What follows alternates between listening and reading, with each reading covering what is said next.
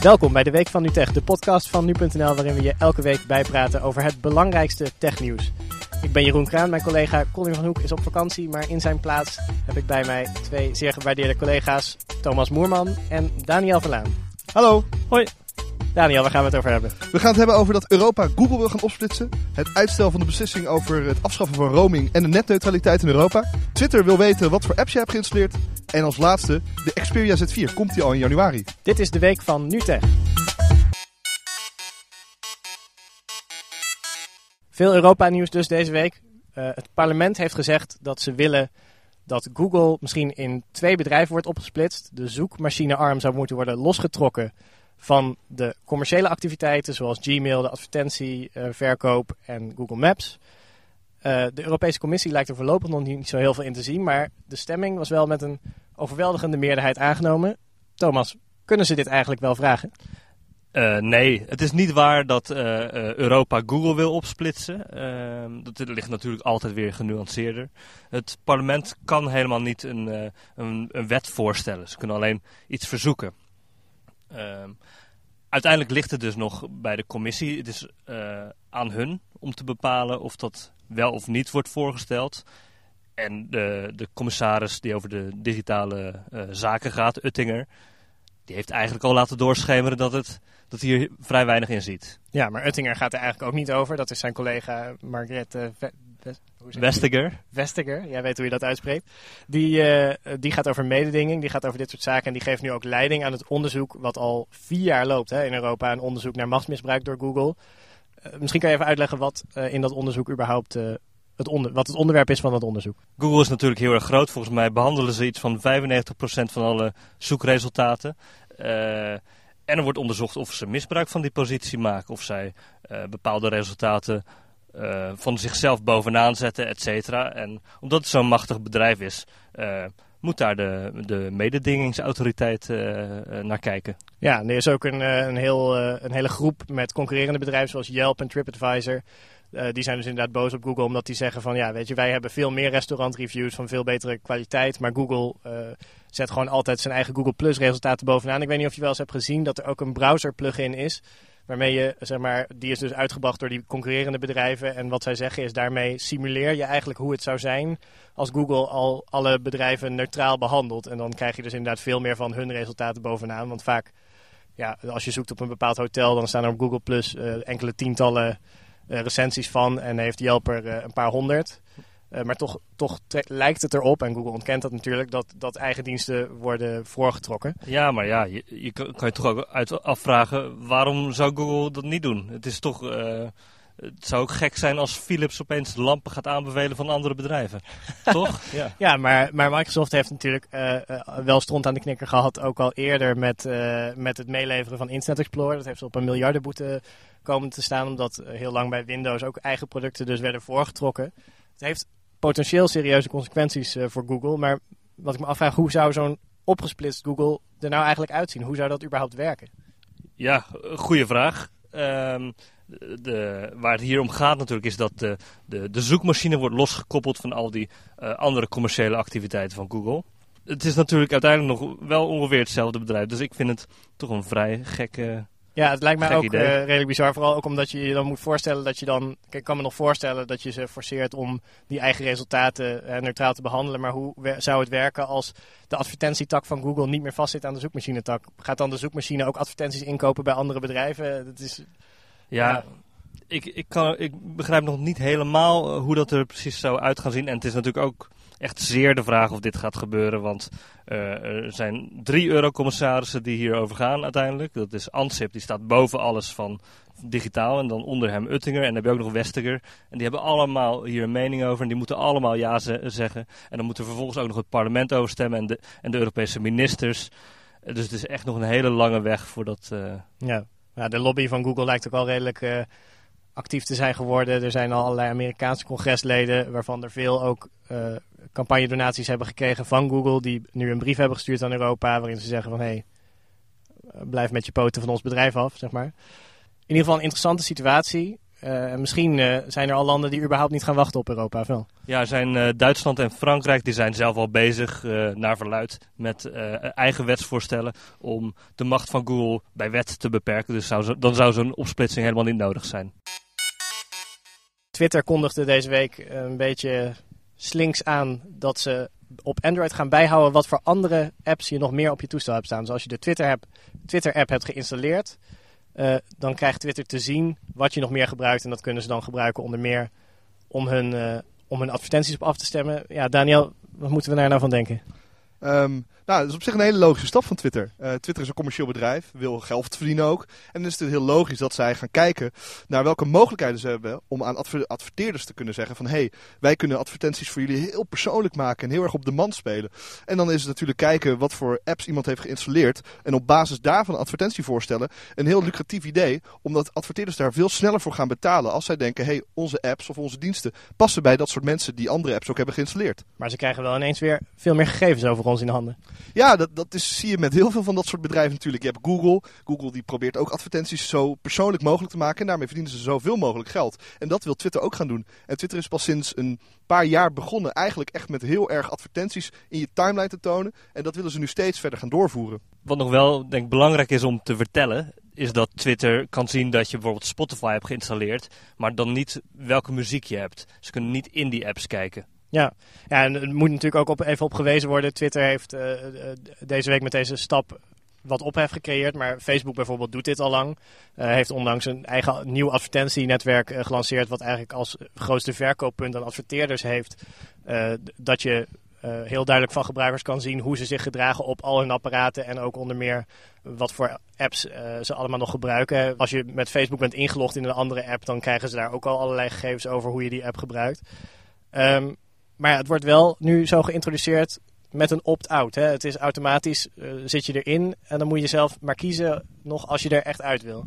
Ja, dat, dat, dat is de meest logische keuze voor Twitter om dat te doen. Want er zijn maar heel weinig mensen die hier waarschijnlijk aandacht aan besteden. Heel veel mensen denken, oh ja, het maakt mij niet zo heel veel uit. Ik gebruik Twitter lekker. En dat is voor Twitter natuurlijk heel interessant. Maar je hebt wel de mogelijkheid om in ieder geval uit te stappen. En dat is bijvoorbeeld bij Google gewoon geen optie. Je kunt niet zeggen, hé, hey, ik wil mijn Gmail van mijn Google Maps gegevens uh, loskoppelen. Dat kan gewoonweg niet bij Google. En bij Twitter kan je dus in ieder geval nog zeggen, voor nu in ieder geval, van hé, hey, ik wil niet dat jullie kijken welke apps ik heb geïnstalleerd. Ja, ik ben zelf heel benieuwd. Eh, de update waarin dit wordt geïntroduceerd moet nog uit worden gebracht, voor zover ik weet. Ik ben benieuwd of ze echt mensen ook gaan informeren erover. Hè? Je kan natuurlijk een opt-out hebben, maar nog wel even zeggen van luister, we gaan vanaf nu dit doen. En mocht je het niet willen, klik hier, zeg maar. Ja dat is nog een beetje de vraag of dat gaat gebeuren. Nou, in Amerika zijn ze nu bezig met die functie uit te rollen. En je ziet al dat in Twitter-apps, uh, als mensen die voor de, eerste keer deze functie te zien krijgen, dat wordt volgens mij vanaf de server gewoon gepusht, krijg je een melding te zien bovenaan je Twitter profiel, of eigenlijk als je de app opstart, van hey, um, we gaan voortaan, um, en dan met een beetje een mooie beschrijving, we gaan voortaan meer gepersonaliseerde advertenties voor jou um, laten zien. En dan natuurlijk niet zeggen dat ze door je apps gaan kijken, maar in ieder geval zoiets. En dan kan je dan op klikken en dan verdwijnt die. En dan moet je zelf natuurlijk maar uitvogelen hoe dat moet. Dat kun je gewoon via de instellingen en dan bij je eigen Gmail profiel, kun je daarna helemaal naar onderen, onderen scrollen, of bij je Gmail profiel, bij, bij je e-mailadres natuurlijk, kun je helemaal naar onderen scrollen en daar staat een klein dingetje, een klein uh, optietje en die kun je uitschakelen. En dat is gewoon advertenties, gepersonaliseerde advertenties. Zoiets zal dus moeten staan. Ja, nou, een interessante situatie in ieder geval. Het is ook, we hebben het veel over Europa deze week. Iets wat een beetje inhaakt op iets wat het Europees Parlement voor, uh, dit jaar ook voor heeft gestemd. Databeschermingswet. Eigenlijk een van de speerpunten daarvan was we willen niet zozeer veranderen hoe jullie met gegevens omgaan. Ook wel een beetje, maar we willen ook vooral dat mensen er beter over worden geïnformeerd. Uh, het zou denk ik wel een goede zaak zijn als meer bedrijven uh, zeg maar echt proactief. Uh, Facebook heeft nu ook net de voorwaarden veranderd. Ik kreeg daar toevallig zelf wel een melding van op Facebook. Maar dat was alleen zoiets van: oh, we gaan andersom met je gegevens. Klik hier om een heel lang document te lezen. Ja, waar je niks wijzer van wordt. Nee, precies. Het zou echt goed zijn als, als daar wat meer duidelijkheid over komt. En als er bijvoorbeeld gewoon met icoontjes wordt getoond. van ja, wat, wat doen we allemaal precies. Eén ding om nog te noemen, wat ik toevallig deze week heb geïnstalleerd, is volgens mij niet nieuw, maar wel heel gaaf. Is een uh, browser-extensie die heet Terms and Conditions Didn't Read. dus TLDR, maar dan net anders. Mm -hmm. en die toont bij elke site die je bezoekt op een schaal van A tot F, dus 1 tot 10 eigenlijk, maar dan op zijn Amerikaans, toont hij hoe goed de voorwaarden zijn. Dan kan je makkelijk op klikken en dan zegt hij van, nou weet je, dit, is, dit bedrijf gaat wel goed met je gegevens om. Uh, ze beveiligen het goed, maar uh, als je de dienst verlaat bijvoorbeeld, dan kunnen ze wel al die gegevens van je houden. Best wel een, een, tip voor de mensen thuis. Uh, installeer die browser-extensie. Het is echt uh, gaaf om te zien. En dan krijg je nog eens wat meer inzicht in hoe bedrijven nou eigenlijk omgaan. Wat, wat kreeg Twitter? Moet ik even opzoeken. Ah. Volgens mij uh, alle grote... Ik heb, het beste wat ik heb gezien tot nu toe is sowieso een B. Ik heb nog geen A gezien, dus dat is sowieso... ik geloof dat Google zit zo rond de D, Facebook ook D, E, niet heel best in ieder geval. Dus Twitter kan me niet voorstellen dat het heel veel beter is, eerlijk gezegd. Hm. Deze week was in Brussel de Telecomraad, waarin Europese telecomministers uh, gingen debatteren over onderwerpen als roaming en netneutraliteit. En uh, wat vrijdag bleek is dat daar eigenlijk uit is gekomen dat er geen beslissing wordt genomen. Uh, iedereen vindt roaming belangrijk, inclusief ook alle lidstaten van de EU. Maar ze willen nog langer de tijd hebben uh, om daarover na te denken. Thomas, kan je even uitleggen hoe dat nou eigenlijk zit? Het Europarlement heeft al een heel telecompakket aangenomen in april al, meer dan een half jaar geleden, waarin dus onder meer wordt uh, opgeroepen tot het afschaffen van uh, roamingkosten en het introduceren van Europese netneutraliteit. Maar nou gebeurt het toch niet. Hoe zit dat? Ja, het is een nogal ingewikkeld proces altijd, wat het niet echt helder, helderder maakt. het komt er eigenlijk op neer dat er, er komt een voorstel van de commissie, dat wordt goedgekeurd of gewijzigd door het parlement dat gaat vervolgens naar de raad. Dat zijn de ministers van, van alle uh, lidstaten. En die kunnen er vervolgens ook weer over buigen. En dan ze kunnen mee akkoord gaan of nog zeggen: hé, hey, we willen hier nog wat aan veranderen. En dan moet het parlement vervolgens ook weer zeggen. Ja, die moet daar dan vervolgens ook weer een mening over hebben. En zo kan dat tot drie keer aan toe heen en weer gaan. Dus dat, is, ja, dat duurt altijd even. En die raad die is niet, uh, dat je nou zegt, lekker doorzichtig? Nee, sterker nog, het omgekeerde. We weten niet precies wat daar gebeurt.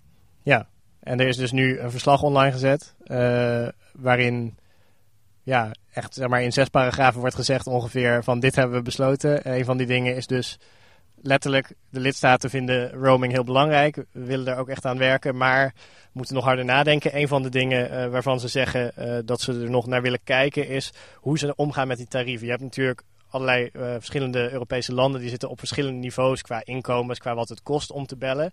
Uh, en het risico dat, uh, dat we lopen, volgens dan dus sommige lidstaten, is dat je een provider krijgt in Nederland waar bellen relatief duur is. daar komt een, een, een klant uit Slowakije waar bellen goedkoper is.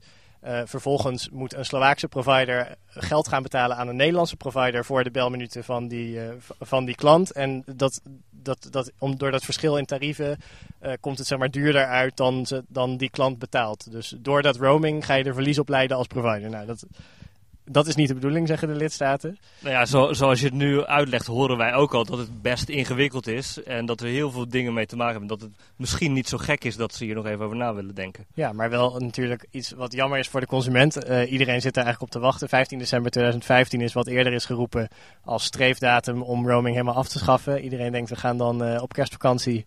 Dan gaan we lekker uh, uitgebreid bellen, maar dat zit er toch misschien niet in. Nee, ja, nou, nou ja, dat is uh, inderdaad uh, jammer en ook wel een beetje lullig. Dan nog even over netneutraliteit. Uh, in Nederland hebben we dat al bij wet vastgelegd. dus als Nederlander hoef je niet heel veel zorgen te maken dat er een of andere provider geld gaat vragen van bijvoorbeeld Netflix om dataverkeer te transporteren. Daniel, jij hebt iemand van Bits of Freedom gesproken, zei je hierover. Uh, wat, wat zeiden die uh, dat deze Europese wet voor gevolgen zou kunnen hebben? Um, nou, ze zei dat het niet per se direct een effect zou hebben op de Nederlandse wet. Het is wel zo dat providers heel makkelijk zich kunnen gaan beroepen op de Europese wet. En dan bij de Nederlandse rechtbank daar kunnen gaan aankloppen mee van... hé, hey, kijk, Europa heeft dit besloten, wij willen dit hebben. Dus wij willen bijvoorbeeld wel dat Netflix gaat betalen, mocht Europa dat willen invoeren. Ja, dus kort gezegd, als Europa een uitzondering uh, op netneutraliteit invoert... dan kunnen Nederlandse bedrijven zich daar ook op beroepen. En dan kunnen ze eigenlijk dus om de Nederlandse wet heen. Ja, dat is eigenlijk wel het geval. Dus dat zou in het ergste geval kunnen betekenen dat bijvoorbeeld KPN kunnen, kan gaan zeggen: hé, hey, um, jullie moeten 5 euro gaan betalen om WhatsApp te gebruiken. Mocht Europa dat um, gaan, in, uh, gaan invoeren, bijvoorbeeld zo'n netneutraliteit. Ja, ook hierover is nog uh, uh, onduidelijkheid troef, overigens. Dat moeten we er maar even bij zeggen.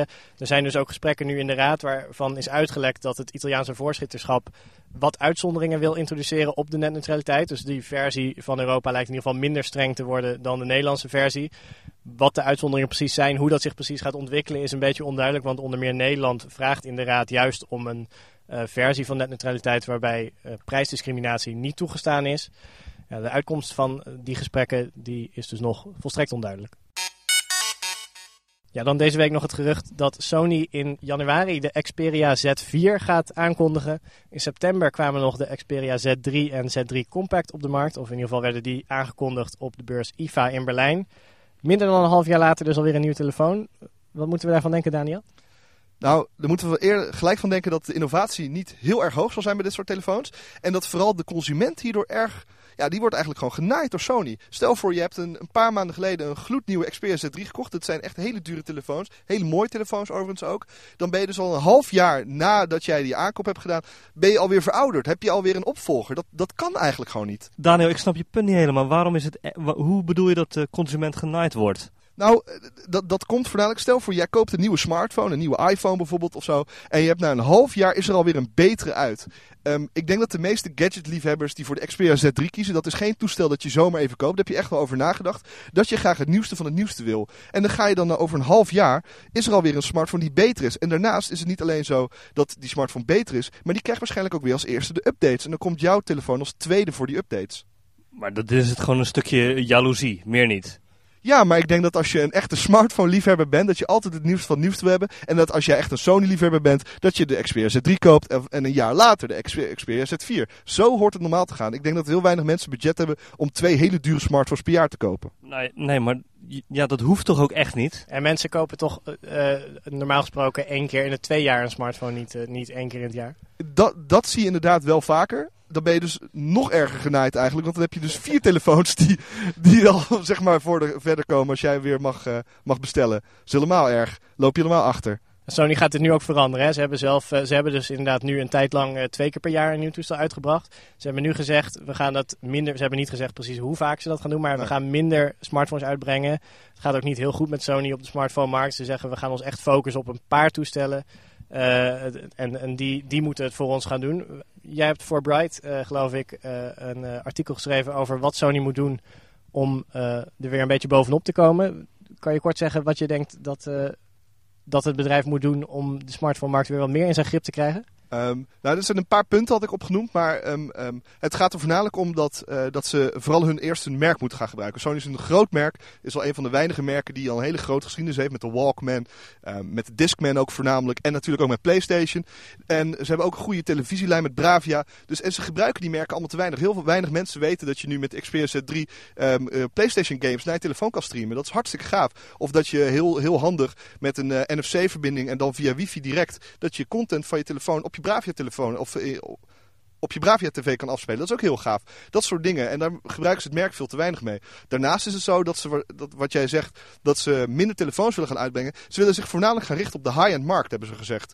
En dat is natuurlijk een enorme domme keuze voor Sony. Want als, er, als bedrijven ergens geld aan verdienen met smartphones, is het de low-end markt. Dus de goedkopere toestellen. Daar is HTC nu heel erg goed mee aan de slag gegaan. Met goedkopere toestellen. En voornamelijk ook LG. LG, de L-lijn van LG is voor, op dit moment gewoon enorm populair. En dat zorgt ervoor dat het bedrijf gewoon erg winstgevend is. Maar de low-end markt, hè, laten we wel wezen, uiteindelijk staan die toch ook heel erg onder druk van Chinese bedrijven die allemaal met een winstmarge van 0,0 uh, toestellen op de markt brengen. Valt daar echt wat te halen? Je ziet bij HTC en LG dat eh, de smartphone-tak van die bedrijven weer winstgevend zijn. Mede door de, de, stijgende verkoop van goedkopere telefoons. Dat Chinese toestellen eraan komen, dat is sowieso voor elke smartphone-fabrikant op dit moment, die niet uit China komt, een groot probleem. Want die zitten gewoon heel vaak onder de prijs. Maar dat geldt voor low-end toestellen, maar dat geldt ook voor high-end toestellen. Dus daar heb je altijd wel problemen van.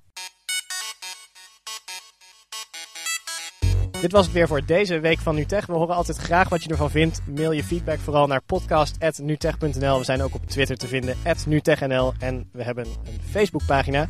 Volgende week zijn wij er weer. Uh, dan is ook Colin nog steeds op vakantie. Maar ben ik weer met twee andere zeer gewaardeerde collega's in de studio. Dus tot volgende week. Doei! Doei!